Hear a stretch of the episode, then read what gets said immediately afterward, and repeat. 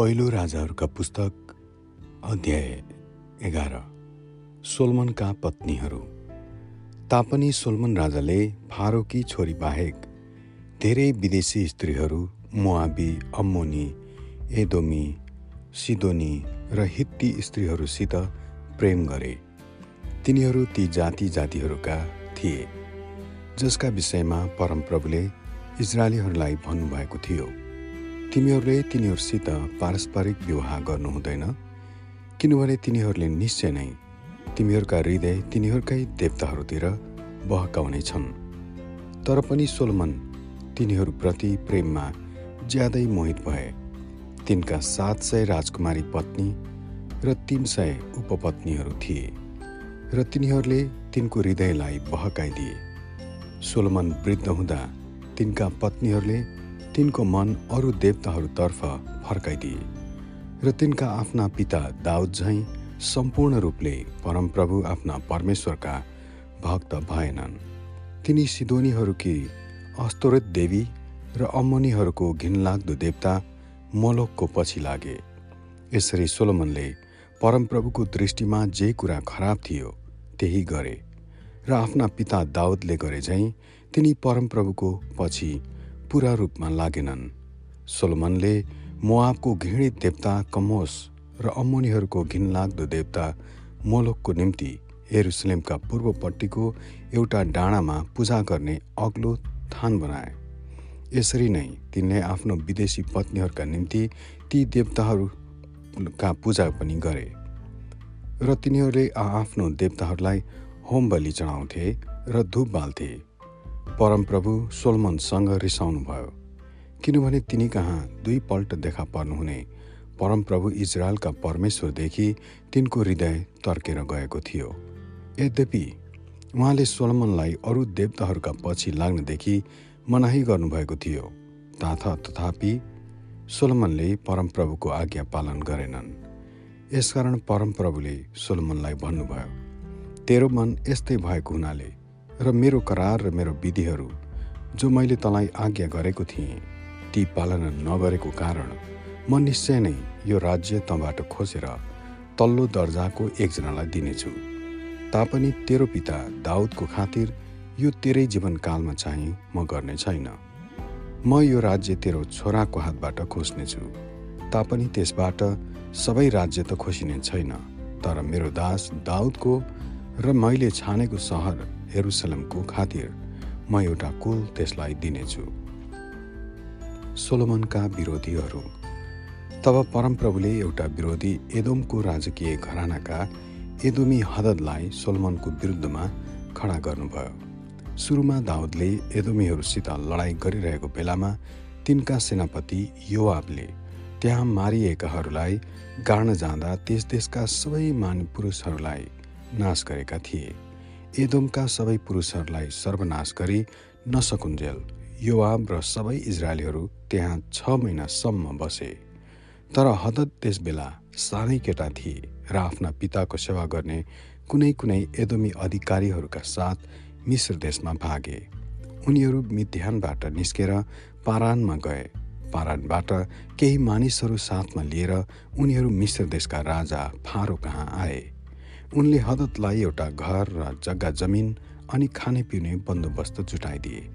हदतसित pharaoh पर यति प्रसन्न भए कि उनले आफ्नी पत्नी तहपेनस रानीकी एउटी बहिनीलाई हदतसँग विवाह गरिदिए। तनपेसकी बहिनीले हदतबाट गनुबत नामको छोरो जन्माइन् जसलाई तहपेनसले फारोको राजमहलमा हुर्काइन्। गनुबत त्यस त्यहाँ फारोका आफ्नै नानीहरूसँगै बढ्यो। मिश्र देशमा छँदा हदतले दाउद राजा पित्रहरूसँग सुतिरहेका र तिनका सेनापति युवा पनि मरेका खबर सुने। तब हदतले फारोलाई भने मलाई आफ्नो देशमा फर्कने अनुमति दिनुहोस्।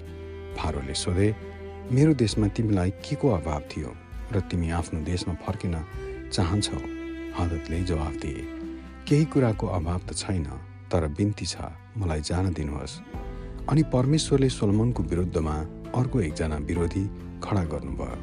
अर्थात् एलियादाका छोरा रेसोन जो आफ्ना मालिक शोभाका राजा हद्देजेरबाट भागेर गएका थिए। जब दाउदले सोभाको दललाई नष्ट गरे तब उनले आफूतर्फ मानिसहरू भेला गरे र उनी विद्रोहीहरूको दलका अगुवा भए। यी विद्रोहीहरू दमस्कसमा गए।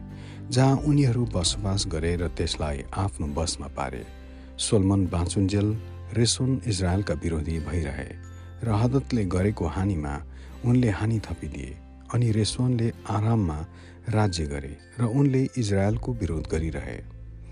एरोबाम सोलमनका विरोधी भएका नबादका छोरा एरोबाम पनि राजाको विरुद्धमा बागी भए। तिली सोलमनका एकजना अधिकारी जेरेदाका एक एफ्राइमी थिए। तिनकी विधवा आमा सेरुवा थिइन्।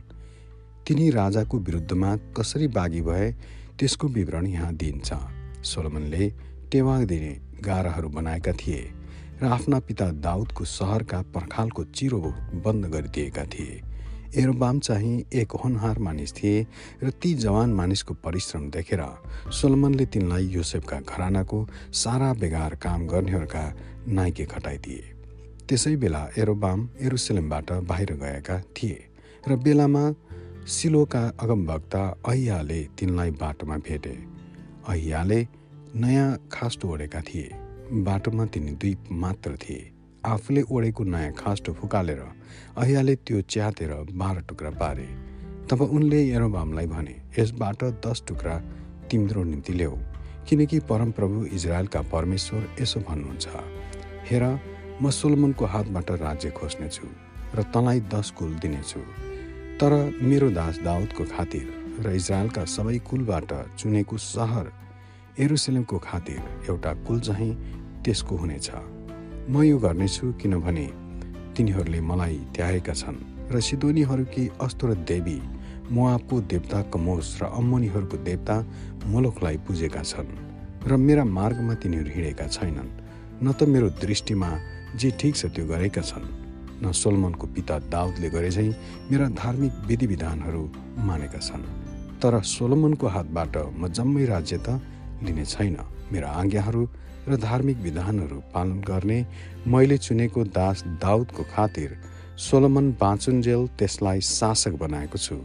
त्यसको छोराको हातबाट लिएर दसकुलको राज्य चाहिँ तँलाई दिनेछु।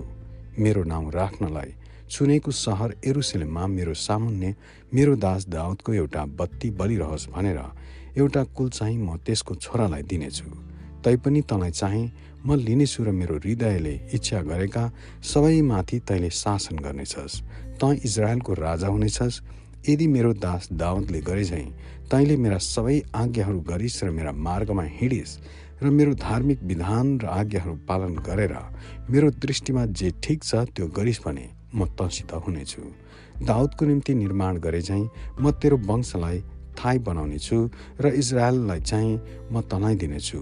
यसैको कारण म दाउदका सन्तानहरूलाई विनम्र तुल्याउने छु तर सधैँसम्म त होइन। त्यसपछि सोलोमनले यरोबमलाई मार्न कोसिस गरे।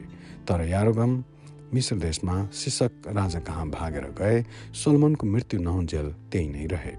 सोलोमनको मृत्यु सोलोमनको राज्यकालका अरू घटनाहरू र तिनले गरेका सबै कार्यहरू र तिनले प्रदर्शन गरेका सबै बुद्धि के ती कुरा सोलोमनका इतिहासको पुस्तकमा लेखिएका छैनन् र सोलोमनले यरुसलममा सारा इजरायलमाथि चालिस वर्ष राज्य गरे। त्यसपछि तिनी आफ्ना पितृहरूसित सुते र आफ्ना पिता दाउदको सहरमा गाडिए अनि तिनीपछि तिनका छोरा रहबाम राजा भए। आमेन।